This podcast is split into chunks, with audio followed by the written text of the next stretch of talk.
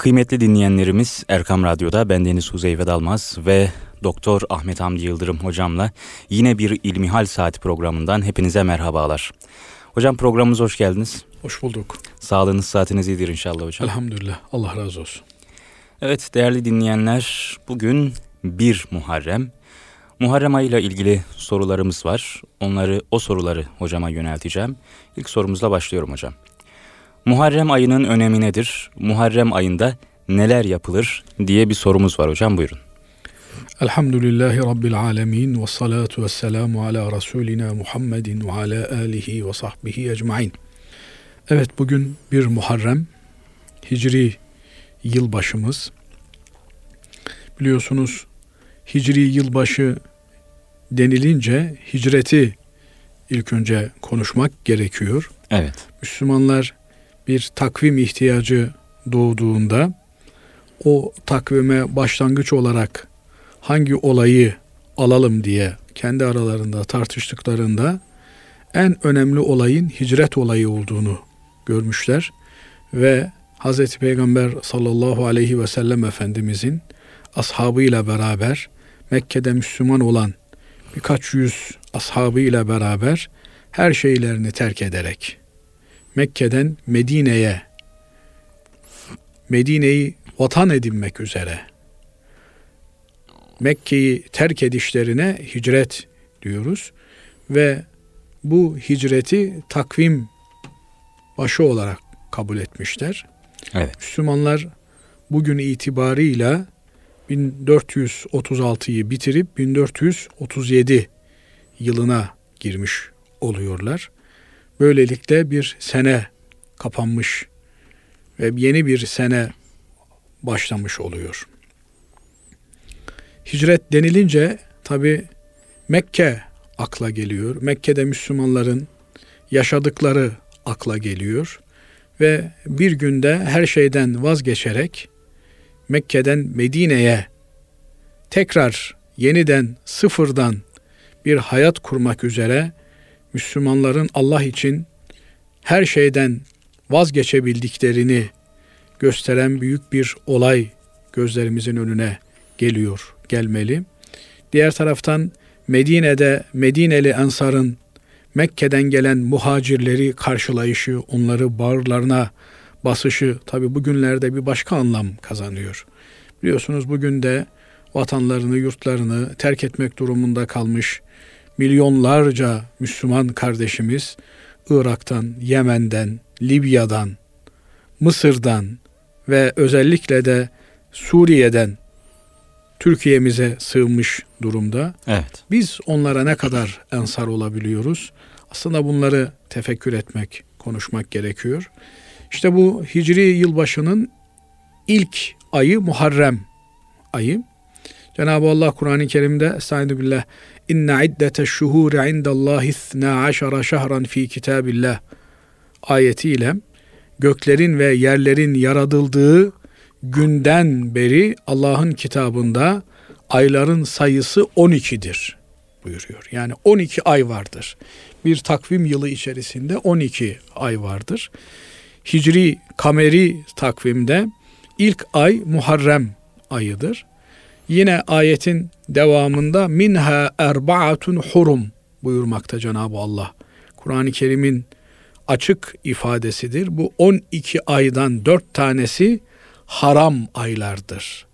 Yani kutsal aylardır.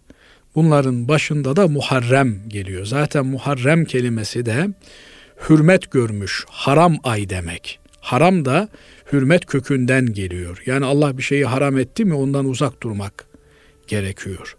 Muharrem ayı da hürmet gösterilmesi gereken, saygınlığı olan bir ay anlamına geliyor. Bu ayda e, bir takım şeyler yasak hale geliyor. Normalde de yasak olan bu şeyler daha katmerli yasak hale geliyor.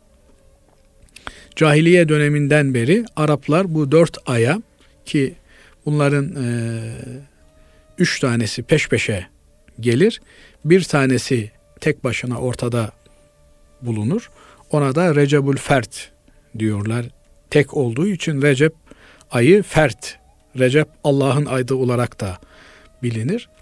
Diğerleri Zilkade, Zilhicce, Muharrem 3 ay peş peşe geldiği için de e, artı Recep ayı ile beraber 4 hürmete şayan ay söz konusudur. Cahiliye döneminde de bu aylara saygı gösterilir, hürmet gösterilir ve bu aylarda kan dökmek, kavga çıkartmak, savaş başlatmak yasak olarak görülür. Bu aylarda babanın katilini görsen ona iyileşemiyorsun. Bu aylar eman ayları, güven ayları. Dolayısıyla e, o günün cahiliye Arap toplumunda bile bir güven duygusunun egemen olduğu zaman dilimi söz konusu. Ama bugün maalesef hiçbir zaman dilimi gözetilmeksizin bayramda bile Müslüman katliamı yapılabiliyor. Müslüman Müslümanı daha doğrusu Müslüman olduğunu söyleyen bir takım kimseler Müslüman kanına girebiliyorlar. Ama e, Müslümanın durum böyledir diye kendini e, akışa kaptırması, olayların mecrasına salı vermesi mümkün değil. Müslüman Kur'an'la bilinçlenen insan demektir. Evet. Kur'an'ı çok okuyan ve okuduğu Kur'an'la amel etmeye çalışan insan demektir. Dolayısıyla bu okuduğumuz ayeti kerime bu dört ayın hürmete şayan aylar olduğunu, bu aylarda bağırıp çağırmanın, kavga gürültü çıkarmanın, kan dökmenin, sayıp sövmenin yasak olduğunu. Bunlar diğer aylarda da yasak ama bu aylarda çok daha katmerli olarak yasak. Ee, dolayısıyla bu aylar emanın, güvenin, emniyetin hakim olduğu aylar. Bu ayların dikkat ederseniz bir özelliği de var. Huzeyfe Bey. Nedir hocam? Haç aylarıdır bunlar mesela. Zilkade, Zilhicce ve Muharrem peşinden Muharrem geliyor. Evet. İnsanlar hacca geliyorlar. Dolayısıyla haç için bir yol güvenliği lazım. Haçtan dönüyorlar. İşte bugün artık uçağa biniyorsunuz 3 saatte 5 saatte memleketinize gidiyorsunuz ama o gün için öyle değil. Bir ay süren yolculuklar var. Dolayısıyla yerleşik olan bir kültürde bu aylarda kimse kimseye ilişmiyor. Yani kurt kuzulara musallat olmuyor. Eşkıya yol kesmiyor.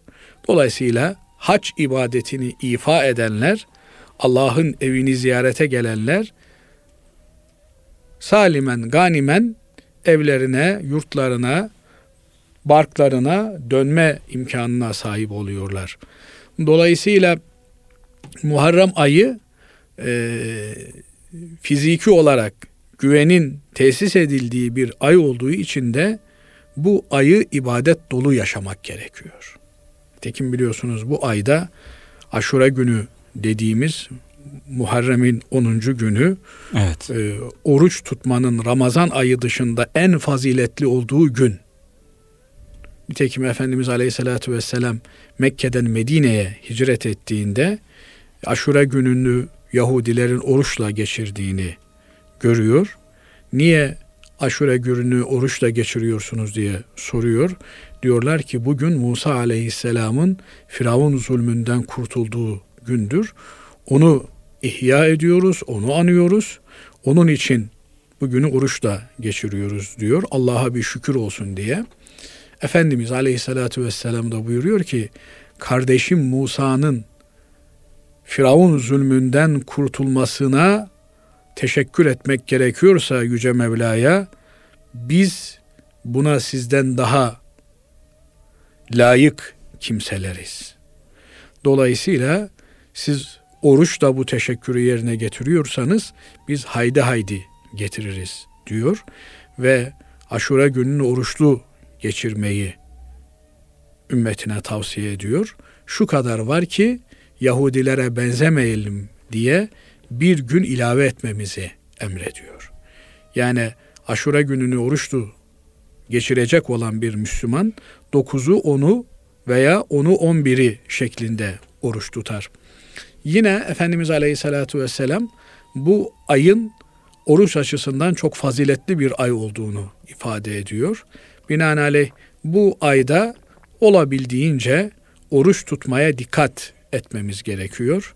Mesela bugün artık çarşamba Muharrem'in biri, yarın perşembe e, en azından perşembesini, efendim pazartesini, Eyyamul Bid denilen 11, 12, 13'ünü Hicri Muharrem ayının oruçlu geçirmeye gayret etmek lazım.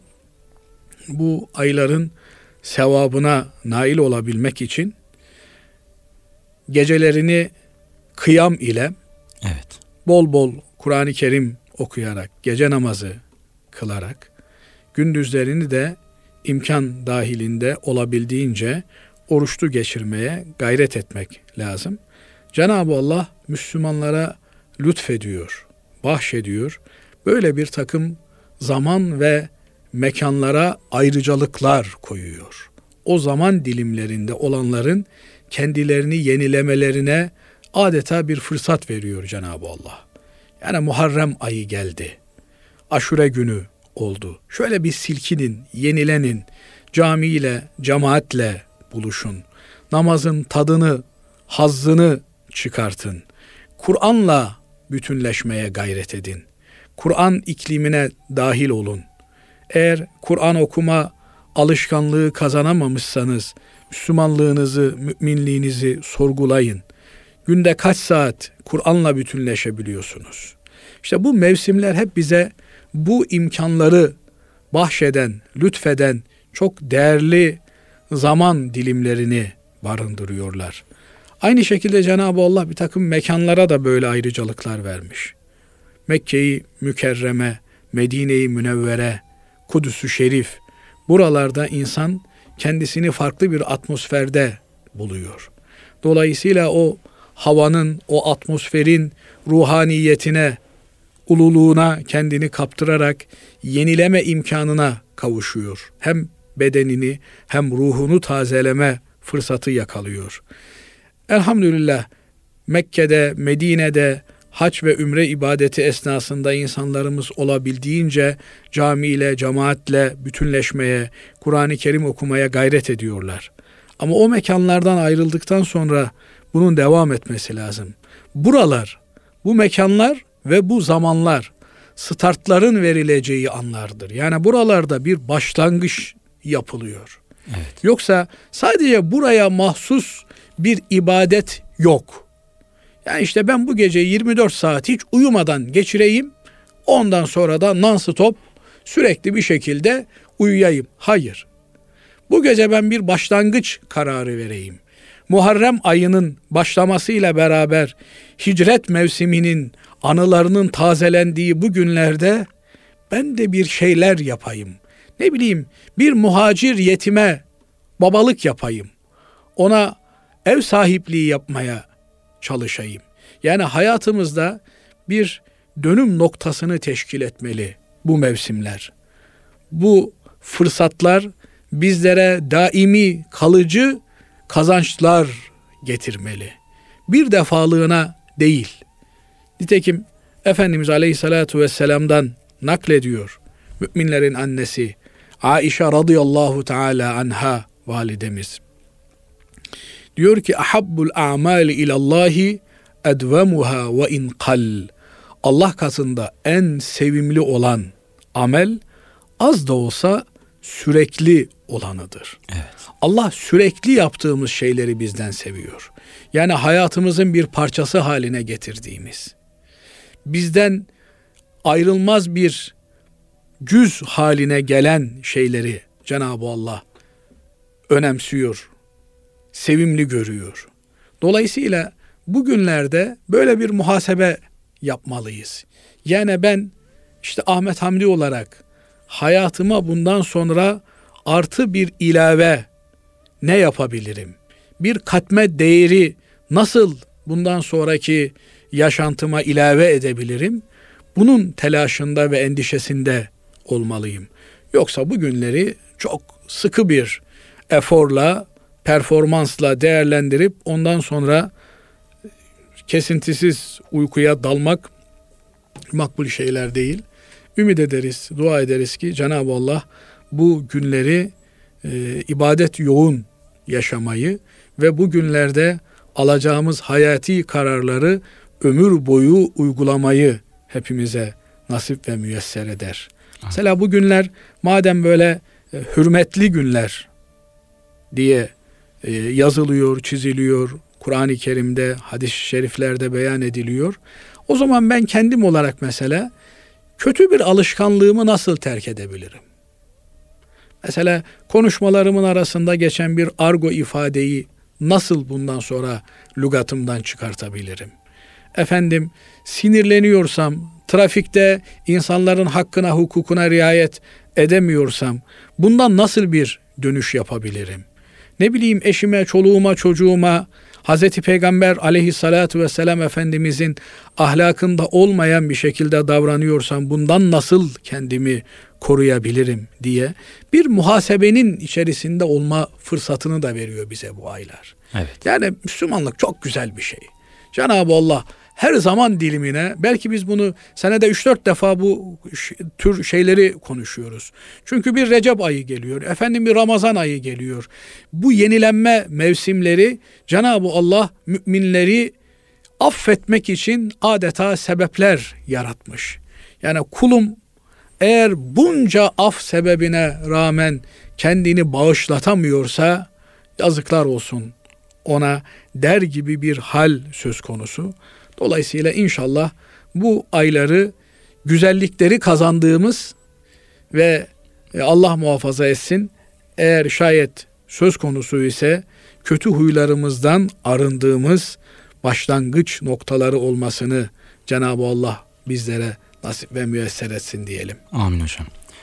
Hocam ikinci sorumuzun e, cevabını aslında birinci soruda verdiniz ama şöyle bir kısa özet geçecek olursak Muharrem ayında niçin oruç tutuluyor ve niçin aşure pişiriliyor diye bir soru var hocam.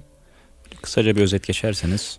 Muharrem ayı işte e, az önce ifade etmeye çalıştığımız Cenab-ı Allah'ın hürmete layık olarak yarattığı dört aydan bir tanesi. E, dolayısıyla bu ayın hürmetine uygun davranışlardan bir tanesi de oruç tutmak.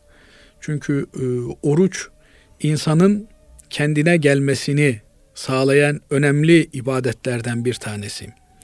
İnsan midesi boş iken daha böyle bir masum oluyor. İhtiyaç evet. halinde iken daha böyle bir e, müsamahakar olabiliyor. Ama bütün ihtiyaçlarını karşılandığı, her türlü isteğinin yerine geldiği anlarda insanlar daha agresif olabiliyorlar, daha saldırgan olabiliyorlar. Dolayısıyla bu tür mevsimlerde oruç tutmak insanın ihtiyacını artırdığı için ihtiyaç da Allah'a yakınlığını artırmaktadır. Nitekim Efendimiz Aleyhisselatü Vesselam buyuruyor ki El fakru fahri Fakirlik benim övünç kaynağımdır diyor. Fakirlik muhtaç olmak demek. Ama kime muhtaç olmak? Allah'a muhtaç olmak. Bunun insanlara muhtaç olmak kısmı hakikaten e, kötü bir durum. Allah kendisinden başka kimseye muhtaç etmesin.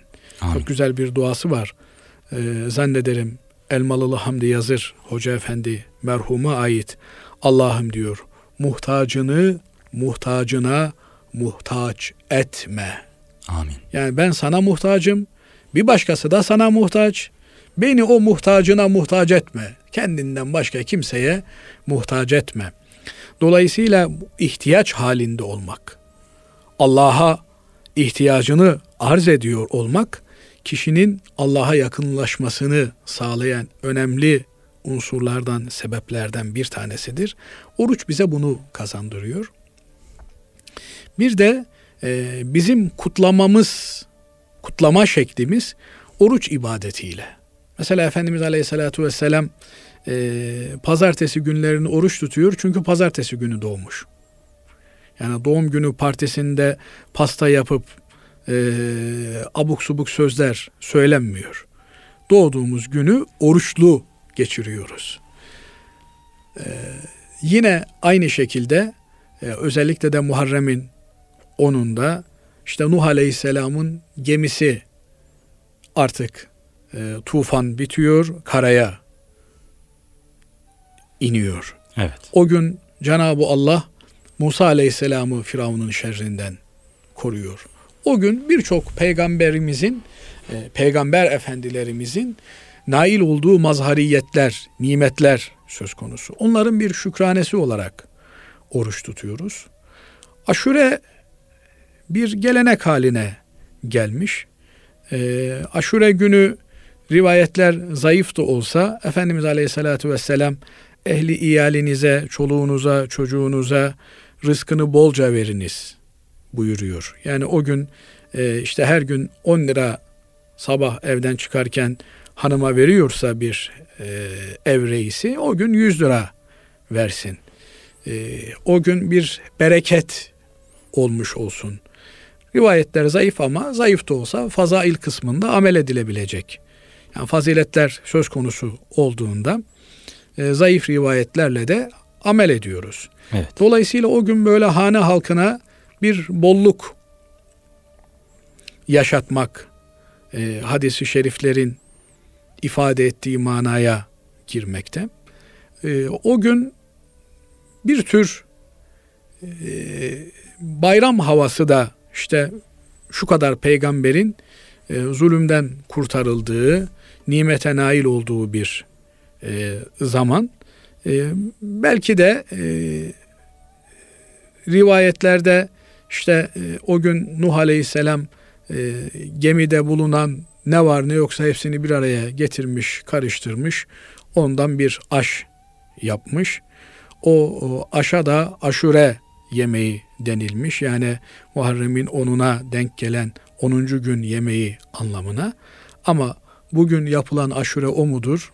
O Değil gün, midir? E, şekeri nereden bulmuşlar e, onu bilemiyoruz.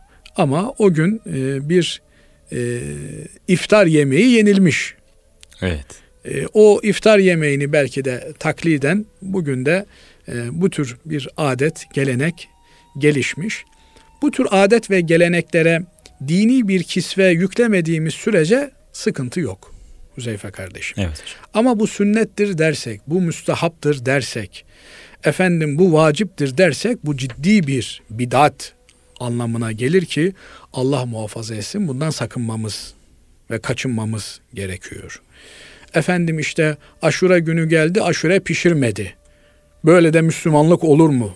Türünden bir kınama, bir tenkit Allah muhafaza etsin.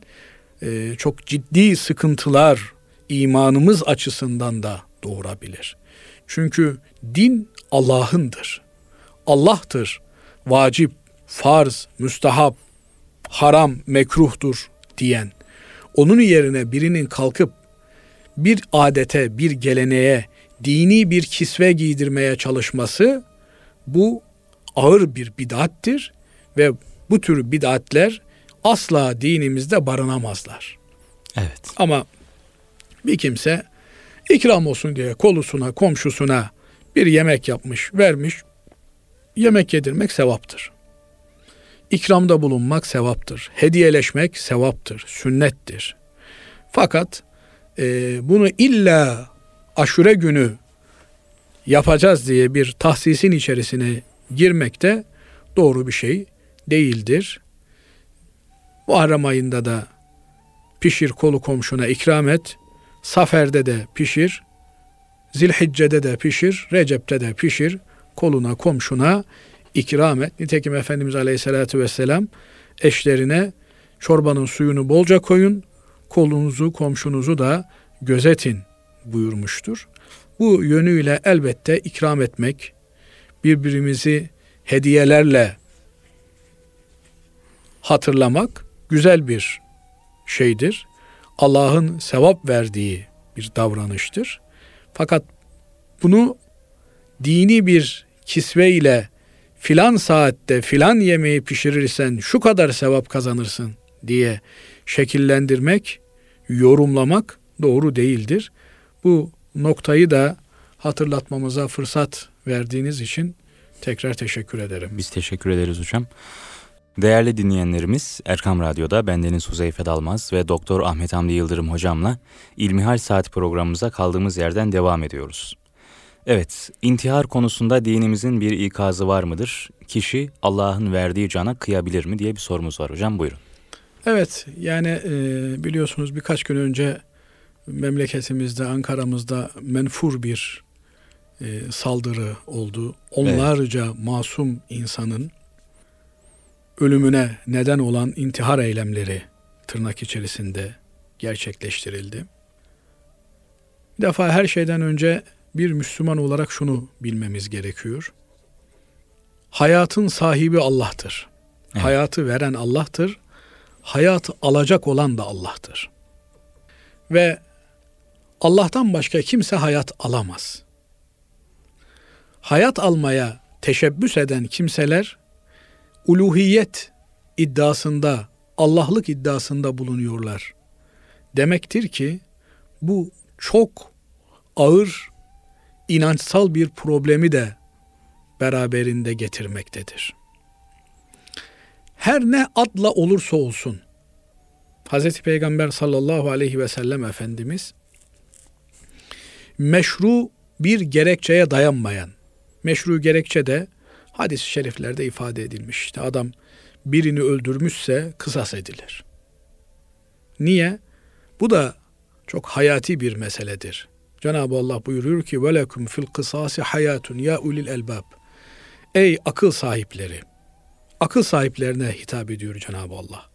Yani idrak sahipleri, anlayış sahipleri. Evet. Kısasta sizin için hayat vardır. Bir kimse haksız yere birini öldürmüşse kısasen öldürülür.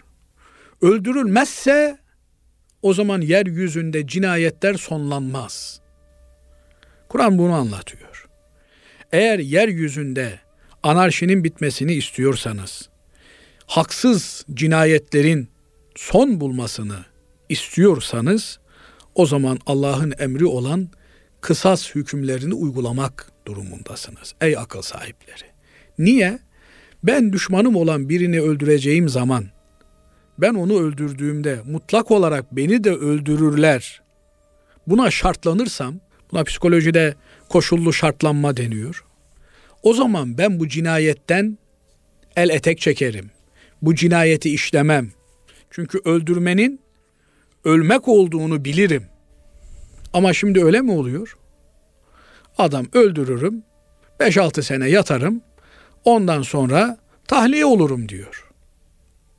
Böyle bir şey mümkün mü? Yani bir canın karşılığı 5 sene, 10 sene, 20 sene hapiste yatmakla ödenebilir mi?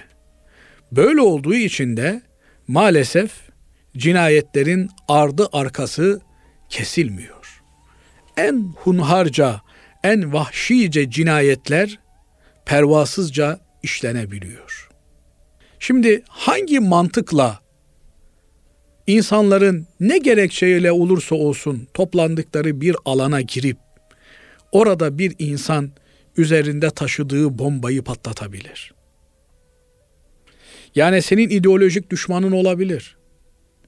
Senin ideolojik düşmanın ise senin yapman gereken onunla fikir düzeyinde mücadele etmek, onu şeytanın tarafında olmaktan kurtarıp tırnak içerisinde evet. senin kendi fikrin ve düşüncene doğru çekmen olmalıdır. Onu imha ettiğin zaman, yok ettiğin zaman sen çalışacağın alanı kaybediyorsun. Yani Türkçemizde güzel bir ifade vardır. Müşteri veli nimettir diye. Bir Müslüman bütün insanlığı müşteri olarak görür. Sahip olduğu hakikat sermayesini, hidayet sermayesini anlatabileceği bir müşteri olarak görür ve onu memnun ederek İslam safına çekmeye gayret eder, çalışır.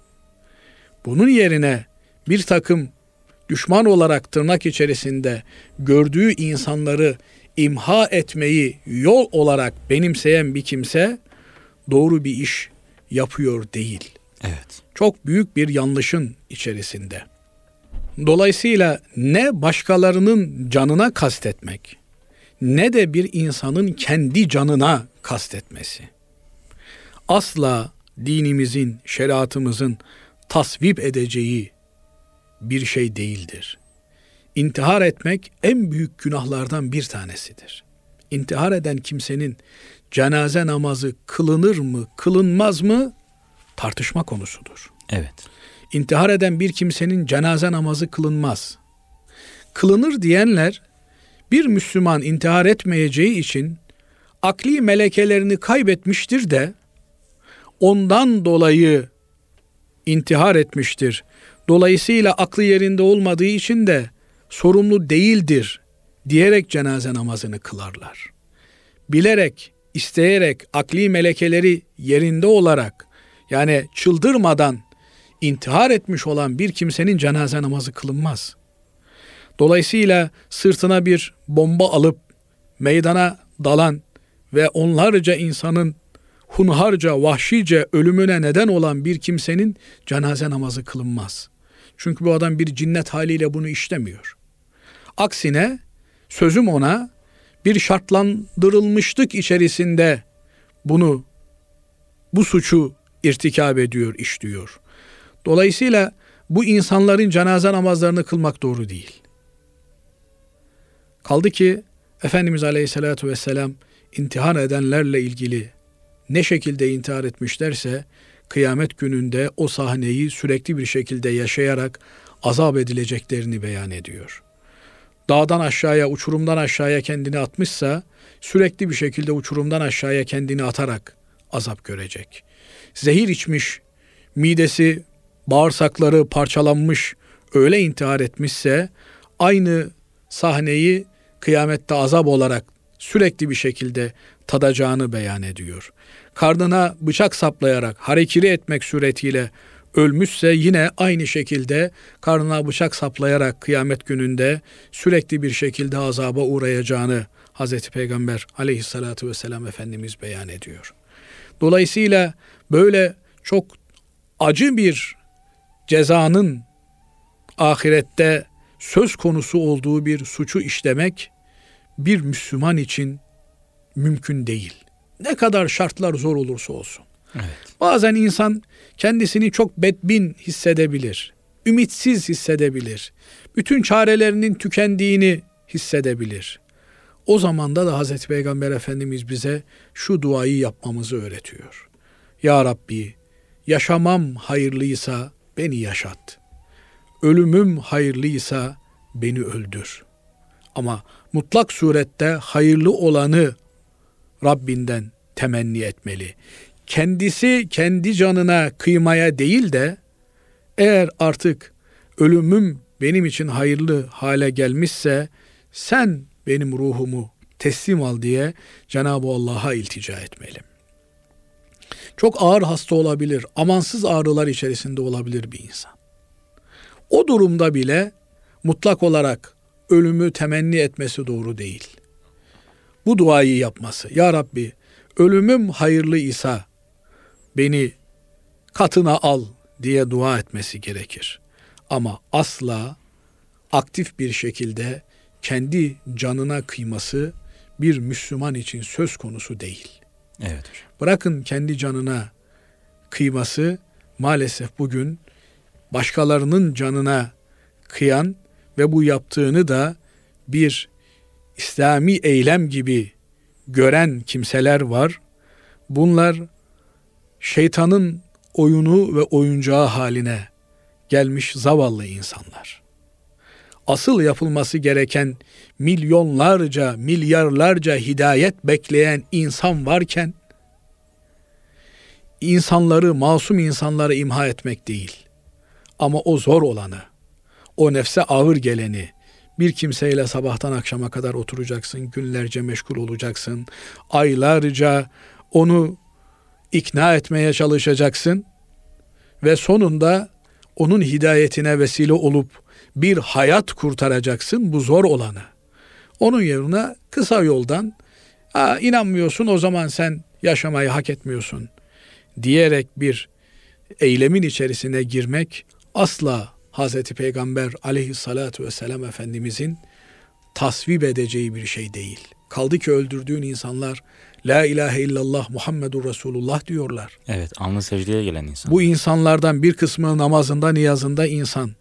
bir kısmı dinle, diyanetle problemi olmayan insan, bir kısmı yanlış eğitim neticesinde hastalanmış olan insanlar, en fazla şefkate muhtaç olan insanlar.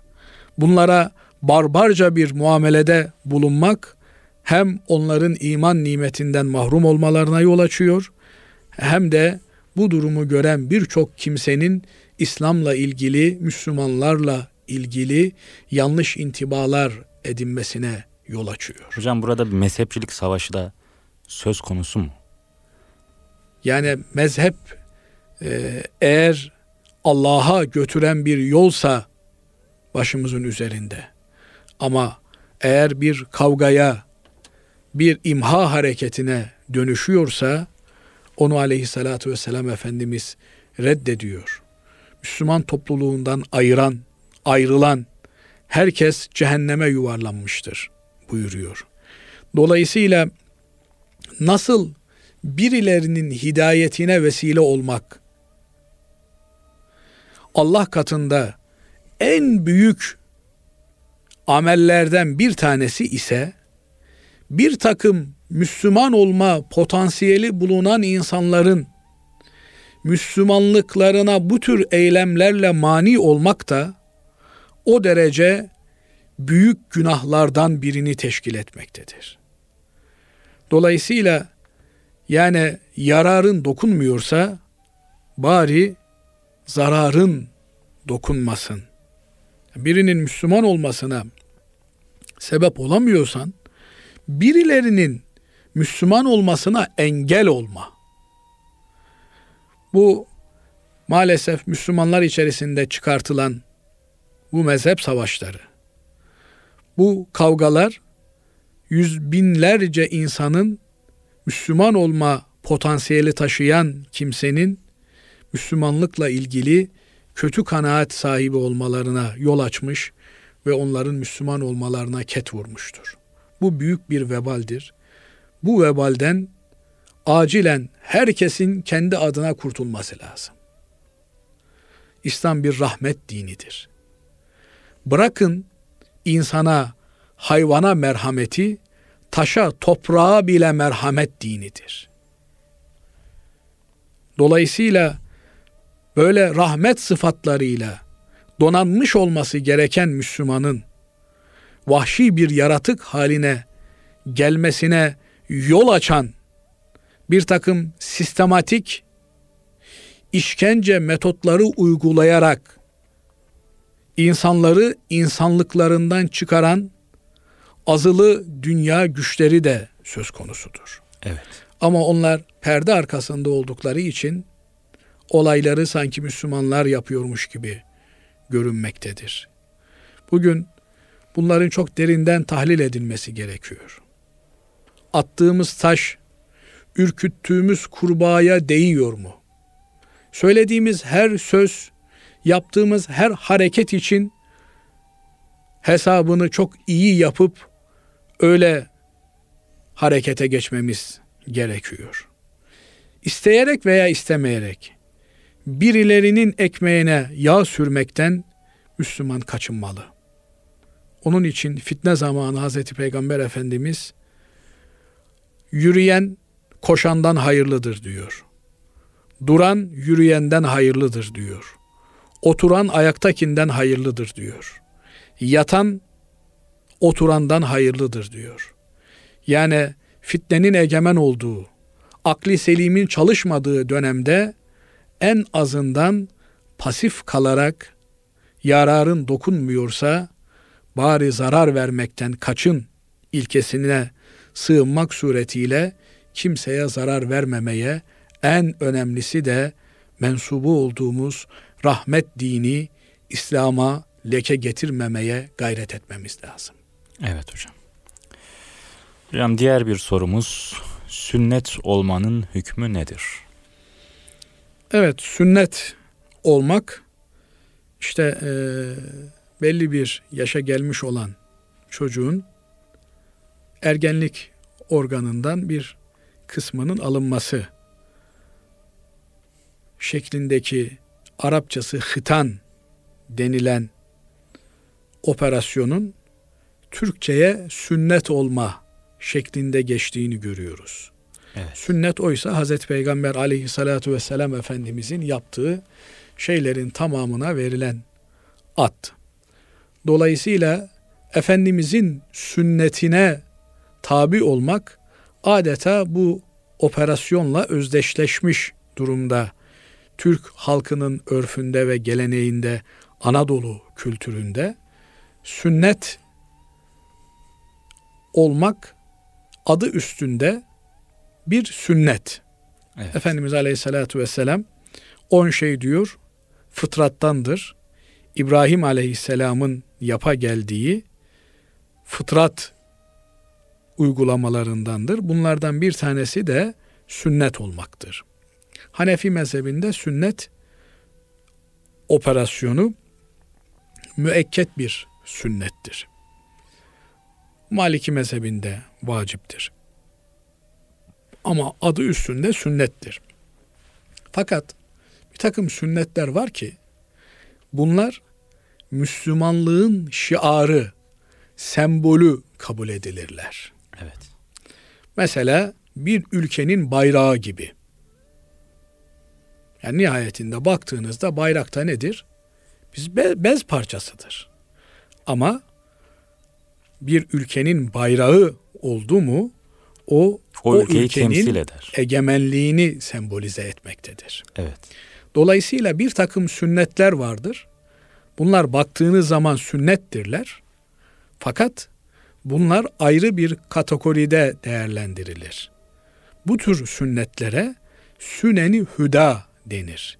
Yani Müslümanlığın alameti olan, hidayetin göstergesi olan sünnetlerdir. Mesela meşhur bir yerde bir ceset bulundu.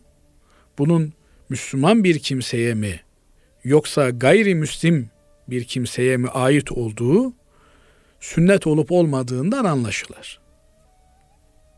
Gerçi Yahudiler de sünnet olmaktadır. Eğer Yahudilerin yoğun olduğu bir yerde ise o zaman başka alametlerine bakılır. Dolayısıyla sünnet olmak Müslümanlıkla özdeşleşmiş bir operasyondur. Binaenaleyh e nasıl olsa sünnet canım denilip geçiştirilecek bir durum değildir. Fakat böyle olmakla beraber Müslümanlığa girmenin şartı da değildir. Hmm. Adam 50 yaşında Müslüman olmuş. Yani bu adam e, eğer korkuyorsa, çekiniyorsa illa da sünnet olacaksın diye buna baskı yapmanın bir anlamı, bir manası yoktur. Ama her Müslüman ana babanın buluğa ermeden henüz çocukken çocuğunu sünnet ettirme mecburiyeti vardır. Bu alelade bir sünnet değildir. Ezan da sünnettir. Ama ezan uğruna savaşlar çıkartılabilecek bir sünnettir. Evet. Sünnet de bir sünnettir ama aynı şekilde uğruna savaş çıkartılabilecek bir sünnettir.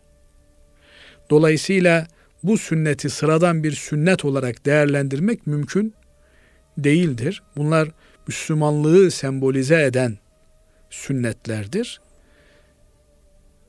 Anne babaların buna dikkat etmeleri, bülü çağına gelmeden bu sünneti tercihen ilk bir hafta içerisinde olmadı 6 yaşına 7 yaşına kadar yapmaları, yaptırmaları gerekir. Çünkü e, sistematik tasnifte sünnet olduğu için bülü çağına ermiş olan bir çocuğun e, avret mahallini yabancıya göstermesi caiz değildir ancak zaruret söz konusu olursa caizdir. Haramlık durumu vardır. Bir haram ve sünnet karşı karşıya geldiğinde harama riayet edilir. Yani sünnet terk edilir. Fakat alimlerimiz diyorlar ki bu sünnet operasyonu bunun dışındadır. Evet. Dolayısıyla yeni Müslüman olmuş bir kimse eğer başka endişeleri kaygıları yoksa operasyonla e, sünnet yapılır. E, bülü çağından sonraya kalmış bir çocuk da eğer yaptırılmamışsa sünneti yaptırılır. İşte bir sünnet için haram işlenir mi? Bu sünnet sıradan bir sünnet değil. Yoksa kan dökmek de haram. İşte konuştuk programın başında. Ama bir ülke biz ezan mezan okutmayız derse o zaman o ezanı okutmak için savaş ilan edilir. Evet. Dolayısıyla burada e, İslam'ı sembolize eden Müslümanlığın bariz alameti olan bir şey söz konusu ise burada daha hassas olunması gerekiyor. Bu tür mahzurlu durumlara düşmemek için de annelere babalara düşen çocuklarını vakitlice sünnet ettirmektir. Sünnet ettirme e, erkeklik organındaki bir fazlalığı almaktan ibarettir. Bu da steril bir ortamda tabip tarafından gerçekleştirilir. Olay bundan ibarettir. Bunun tören kısmı ayrı bir hikayedir, adettir, gelenektir vesairedir. Paramız yok, tören yapamıyoruz, şenlik yapamıyoruz diye bu sünnet ihmal edilmez. Sen vazifeni yap, sonra millete yemek mi yedireceksin, su mu içireceksin, ne yapacaksan fırsatını bulduğunda ister yap ister yapma. Ama bu e, adet, gelenek ve görenek bahanesiyle asıl vazifeyi tehir etmek doğru bir şey değil. Evet hocam. Allah razı olsun hocam. Programımızın sonuna geldik. Sizden de Allah razı olsun. Teşekkür ederim. Evet, değerli dinleyenler, Erkam Radyo'da bendeniz Huzeyfe Dalmaz ve Doktor Ahmet Hamdi Yıldırım hocamla bir İlmihal Saati programımızın daha sonuna geldik. Bir sonraki programda yeniden buluşmak ümidiyle hoşçakalın, Allah'a emanet olun.